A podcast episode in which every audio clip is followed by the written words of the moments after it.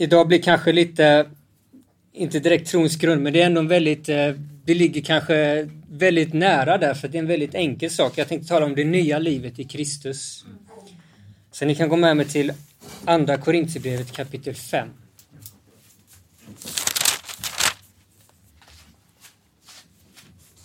står så här. Därför, om någon är i Kristus, är han en ny skapelse. Det gamla är förbi, se, allt har blivit nytt. Vilken fantastisk bibelvers. Jag minns när jag gick i bibelskolan så hade vi sån här, eh, fick en sån här box med massa, massa bibelord som vi skulle memorera. Och så hade vi prov på de där, man skulle skriva exakt liksom vad som stod i, i, i den där bibelversen. Och det här var ju en av de, de bibelverserna som man verkligen memorerade. Liksom man gick runt och jag kunde den utan till. Men du vet, du kan kunna de här sakerna utan till men ändå kanske inte riktigt reflektera vad som står i texten. Vad betyder det? Vad innebär det liksom att, att, det, det, att om någon är i Kristus är han en ny skapelse? Det gamla är förbi och någonting nytt har kommit. Så det här vi ska fokusera på idag att, att som kristna så är, är det faktiskt ett nytt liv som har kommit till oss. Och det gamla livet är förbi. Det gamla syndfulla livet är någonting som är passé. Det är någonting som, som, som, som är dåtid liksom. Eller hur? Det är någonting som, som vi pratar om dopet, att man begraver det gamla livet. Och det är någonting som, som, som vi inte ska hålla på liksom och älta eller någonting som vi ska liksom gå tillbaka till, utan det är någonting som är gammalt. Det finns ett gammalt liv och det finns ett nytt liv. Och det gamla livet, vad var det? Jo, det var vårt syndaliv, eller hur? Vi har, vi, liksom, det, det, kan vara, alla har olika bakgrund. Jag, jag tittade på no, no, någon dokumentär igår här, om, om eh, kristna i Kina. Det var ganska intressant. Den ena efter den andra berättar liksom att innan var han en alkoholist men nu har han mött Jesus och nu har han blivit fri från alkoholen. Och en annan han brukade liksom hålla på och, och, och, skrika till sin fru och vara elak mot henne. Men nu har han mött Jesus och nu har han slutat med det och så har han fått ett eh, mycket bättre äktenskap och sådana saker. Så det var liksom det här gamla syndalivet fanns där. Men nu var det någonting nytt. Och det är det som är att när vi är kristna så finns det ett nytt liv. Vi är en ny skapelse och vi har det nya framför oss. Och vad är det här nya som vi har framför oss? Jo, det är att vi har, nu har vi seger över synden, eller hur? Nu är vi inte längre syndens slavar, utan nu kan vi vandra i det nya livet. För det var därför Jesus kom. Det står så här i Matteus kapitel 1, och nu går man över till Matteus kapitel 1. Det står så här, Matteus 1 och vers 21, så står det så här. Och hon ska föda en son och du ska ge honom namnet Jesus. För han ska frälsa sitt folk från deras synder. Så Jesus, han kom, Jesus uppdrag, det var liksom att frälsa sitt folk ifrån synden. Det står inte att han ska frälsa oss i synden, utan från synden. Ta oss bort ifrån någonting och föra oss in i ett nytt liv. Det är liksom inte att, ha, det är liksom inte att vi, vi ska vara alkoholister och sen blir vi frälsta och så fortsätter vi vara alkoholister. Nej, utan han frälser oss från någonting till någonting nytt. Till det nya livet. Det är fantastiskt, eller hur? Att liksom, att det, att det där liksom, det där gamla, du vet, det gamla livet, det, det liksom, det skapar så mycket problem för människan. Jag minns själv när man, liksom, när man var slav under det här gamla livet, liksom, hur man liksom Eh, Eh, liksom, man gjorde dumma saker och sen så spenderade man tid för att försöka täcka upp det man hade gjort liksom och, och sen så blev det ett nytt problem när folk kom på att man hade ljugit och så, och så sånt elände som det skapar. Men nu är vi frälsta till någonting nytt. och det är ifrån synden till att leva livet med Kristus där faktiskt inte synden längre har makten över oss. Det är brutet. Den här syndakedjan, den här syndabojan är bruten i våra liv och nu är vi fria. Och den sonen gör fri, han blir verkligen fri. Så gå med mig till Romarbrevet kapitel 6. Vi läste om dopet där för någon vecka sedan och vi slutar i vers 5 så då kan vi läsa vidare vad som står. Står det så här vers 6, Romarbrevet 6 och vers 6. Vi vet ju att vår gamla människa är korsfäst med honom.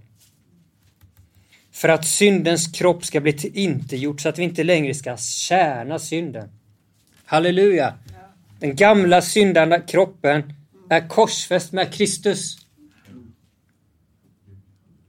Kristi död på korset är också våran död ifrån den gamla, syndarnaturen, gamla syndanaturen, gamla syndamänniskan. Varför? Så att vi inte längre ska tjäna synden. Att det finns ett nytt liv, eller hur? Det gamla livet är uppspikat på korset och nu finns det ett nytt liv. Där Jesus uppstått och nu vandrar vi hans uppståndelsekraft med det nya livet. Så står det i vers 7. För den som är död, han är befriad från synd. Halleluja! Har du dött med Kristus? Ja. Ja, då är du befriad från synd. Fantastiskt! Det finns inget bättre budskap. Det är precis vad världen behöver. Vi behöver inte nya politiker. En del säger liksom, ja men vi går från högerregering så blir allt bra. Nej. Och sen så kommer högern och så blir det inte bra. Och sen så tänker man, ja men vi måste ha en vänsterregering. Och sen finns det, ja men vi måste ha dem i mitten. Nej men det är inte det här som hjälper. Utan det vi behöver bli befriade från synden. Jag sa det sist, om inte, om, om, om, om alla hade levt efter Kristus, om alla hade levt i den här befrielsen från synden i hela världen. Vi hade inte ens behövt en poliskår. Och Göran hade blivit arbetslös på kriminalvården. Han hade fått leta upp ett annat jobb. Men nu är det inte så. För, för, för, världen befinner sig under syndens våld, under djävulens våld. Men vi som är nya skapelser, vi är fria från det här. Vers 8. Men om vi har dött med Kristus så tror vi också att vi ska leva med honom. Så har vi ett nytt liv tillsammans med Kristus i hans uppståndelsekraft. Vet du vad vi behöver? Man hör så många människor säga ja, jag kämpade under synden och sen så tog jag emot anden eller man kanske har olika sätt att beskriva det och sen märkte jag, sen fick jag kraft. Varför? Därför att Kristus bor i den personen.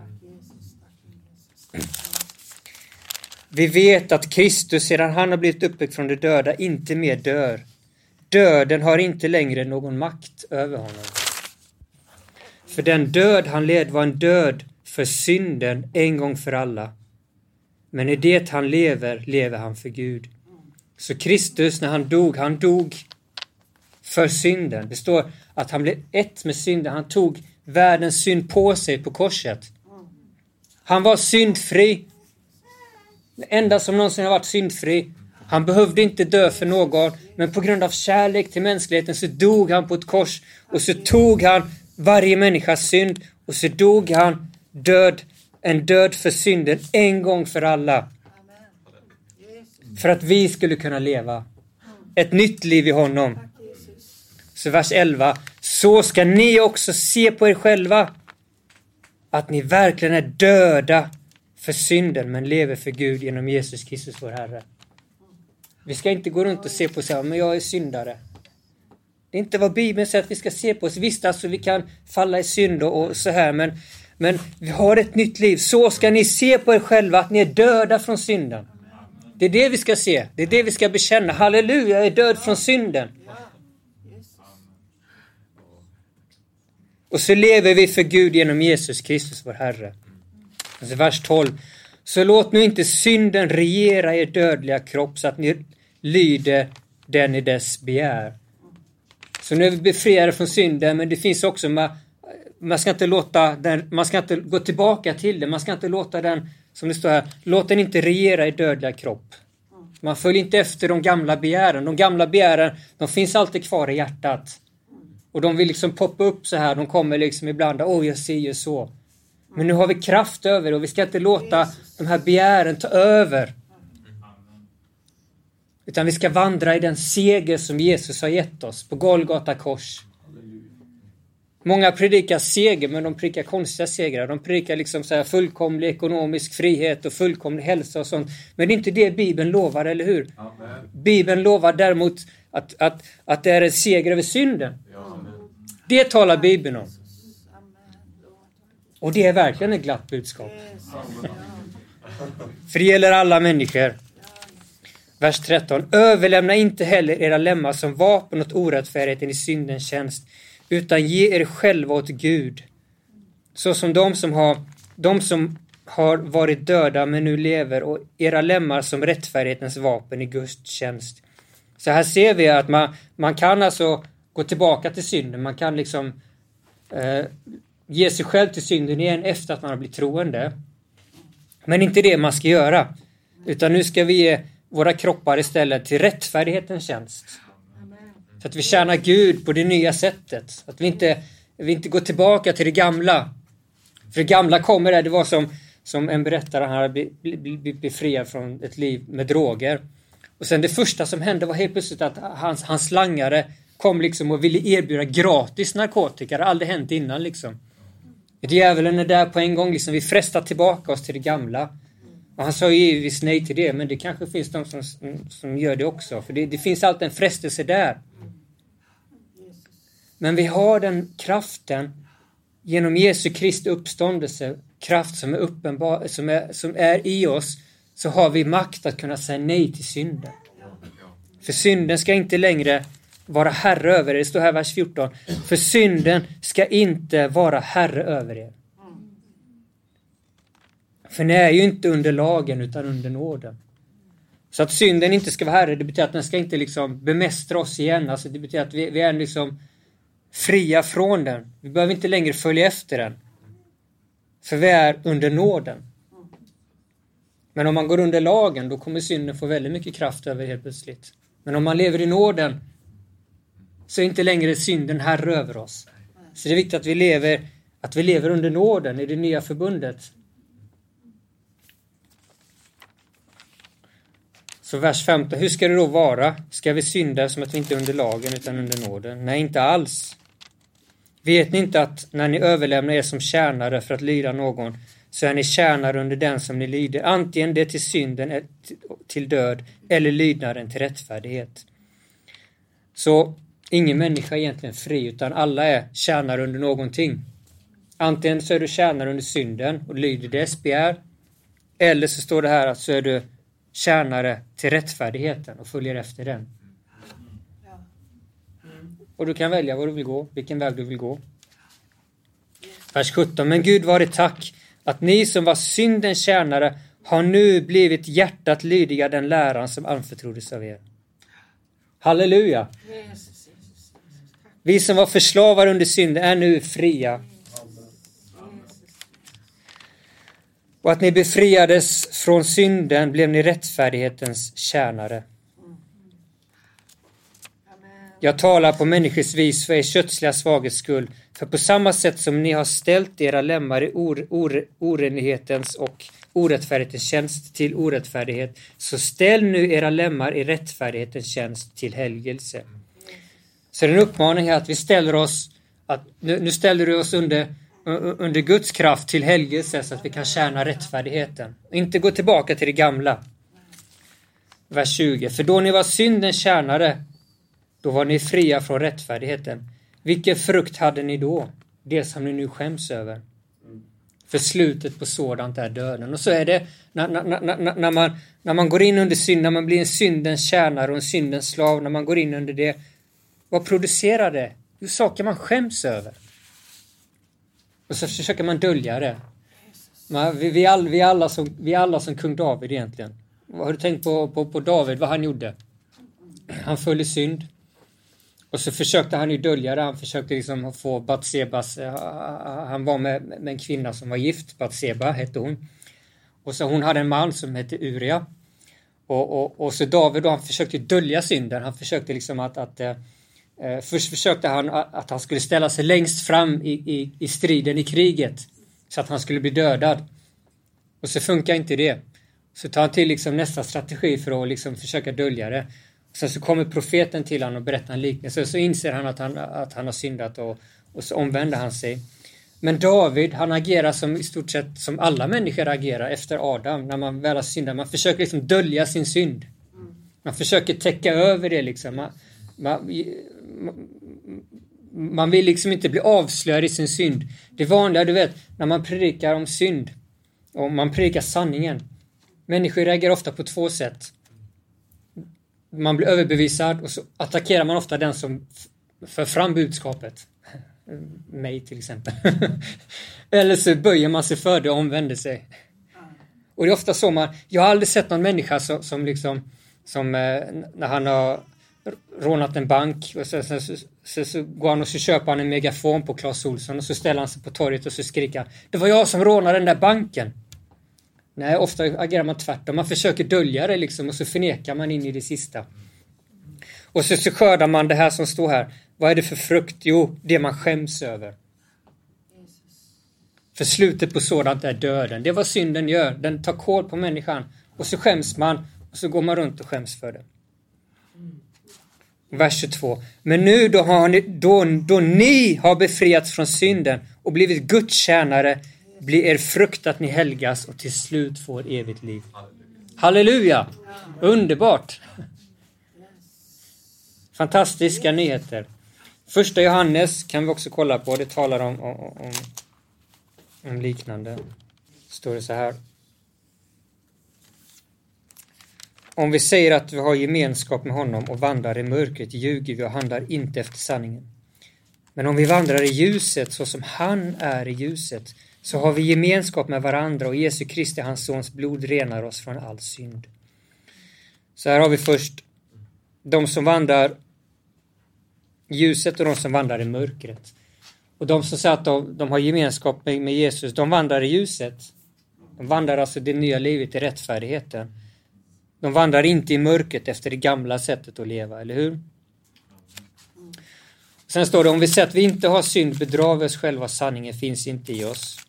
Men om vi bekänner våra synder är han trofast och rättfärdig så att han förlåter oss våra synder och renar oss från all orättfärdighet. Om vi säger att vi inte har syndat gör, gör vi honom till en lögnare och hans ord är inte i oss. Så om vi säger att vi inte har syndat, alltså vårt gamla liv var fullt av synd, eller hur? Om vi säger att ja, jag har aldrig syndat, då, då, då, då, då, då, då ljuger vi.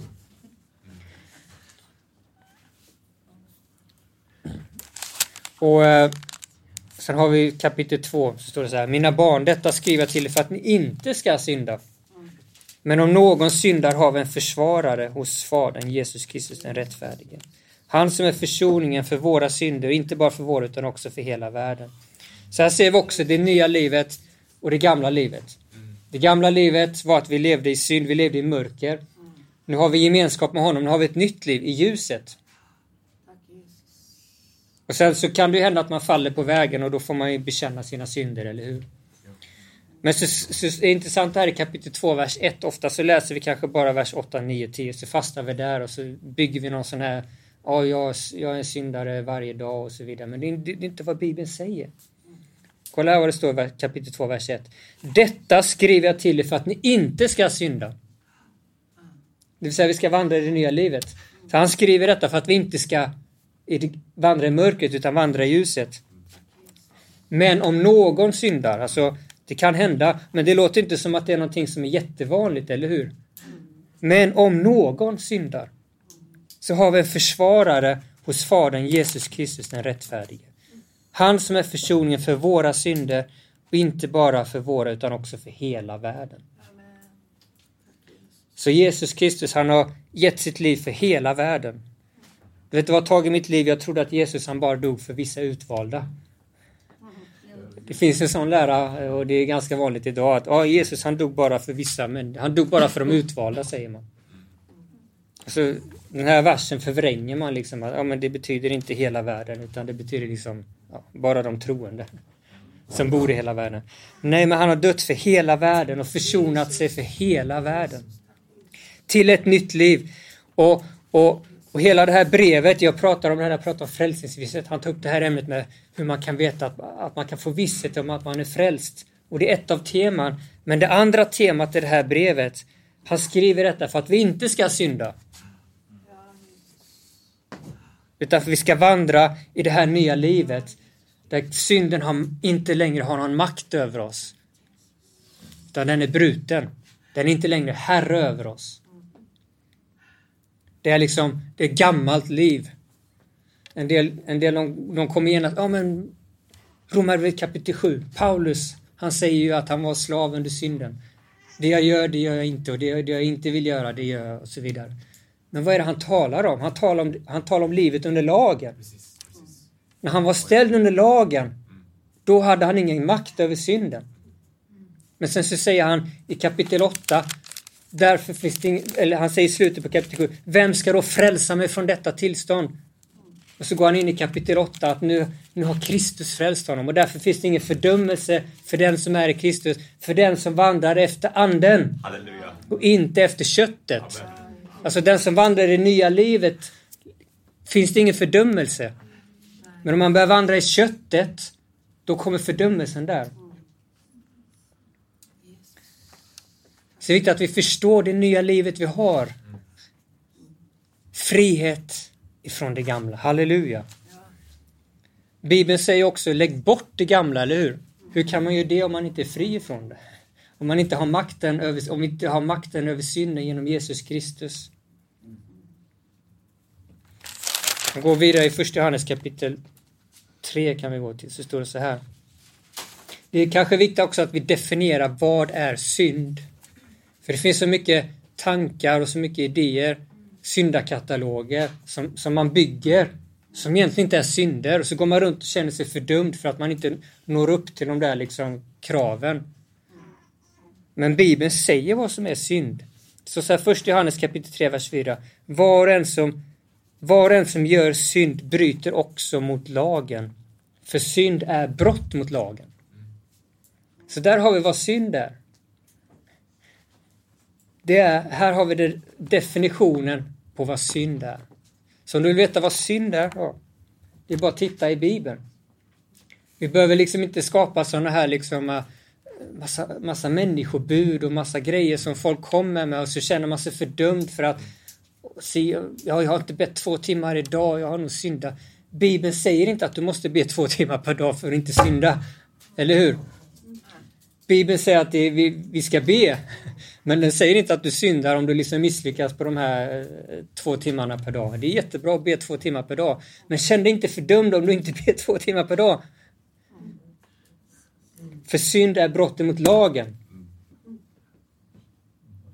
Om du menar att det är synd att inte be två timmar per dag, visa mig var det, var det står någonstans i Bibeln att det är synd att inte be två timmar per dag. Vers 5. Ni vet att han uppenbarades för att han skulle ta bort våra synder och synd finns inte i honom. Ta bort våra synder. Och vers 6. Var och en som förblir i honom syndar inte. Var och en som syndar har inte sett honom, inte lärt känna honom. Så om man förblir i Kristus, man vandrar i det nya livet, i uppståndelsekraften, så står det här, han syndar inte. Det är väldigt goda nyheter, eller hur? Att vi kan vandra ett liv i seger över synden. Fantastiskt. Det finns inget bättre budskap. Jag, jag brukar ofta ha sådana här lite, lite, lite budskap som är ganska allvarliga. Man ser, ser folk sitter och vrider på sig där och man ser liksom nästan de får ett stygn i sina hjärtan. Men idag har jag inget sånt budskap. idag har jag ett halleluja-budskap. Om du förblir i Kristus så syndar du inte. Halleluja! Det är Bibeln, det står så. Det är inte min tolkning utan det är vad Bibeln säger. Första Petrus kapitel 1. Det finns mycket verser som talar om det här det gamla, det nya livet. Så. Det står så här. Första Petrus 1 och 14. Som lydnadens barn ska ni inte styras av de begär som ni levde i förr när ni var okunniga. Så här ser vi igen det gamla livet. Låt er inte styras av det. Vi ska inte styras av det. Så där har vi det nya livet. Inte gå tillbaka till de gamla begären. Och även de fin begären finns ju fortfarande i hjärtat ibland och vill poppa upp. Och vi ska inte följa efter dem.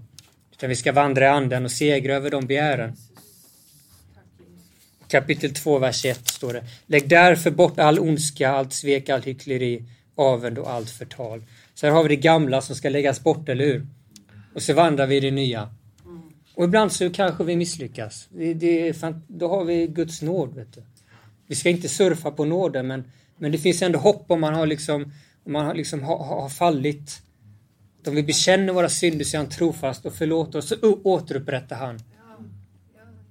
Och så ger han oss styrka till att fortsätta och så, och så går vi vidare i livet. Och det är så det är.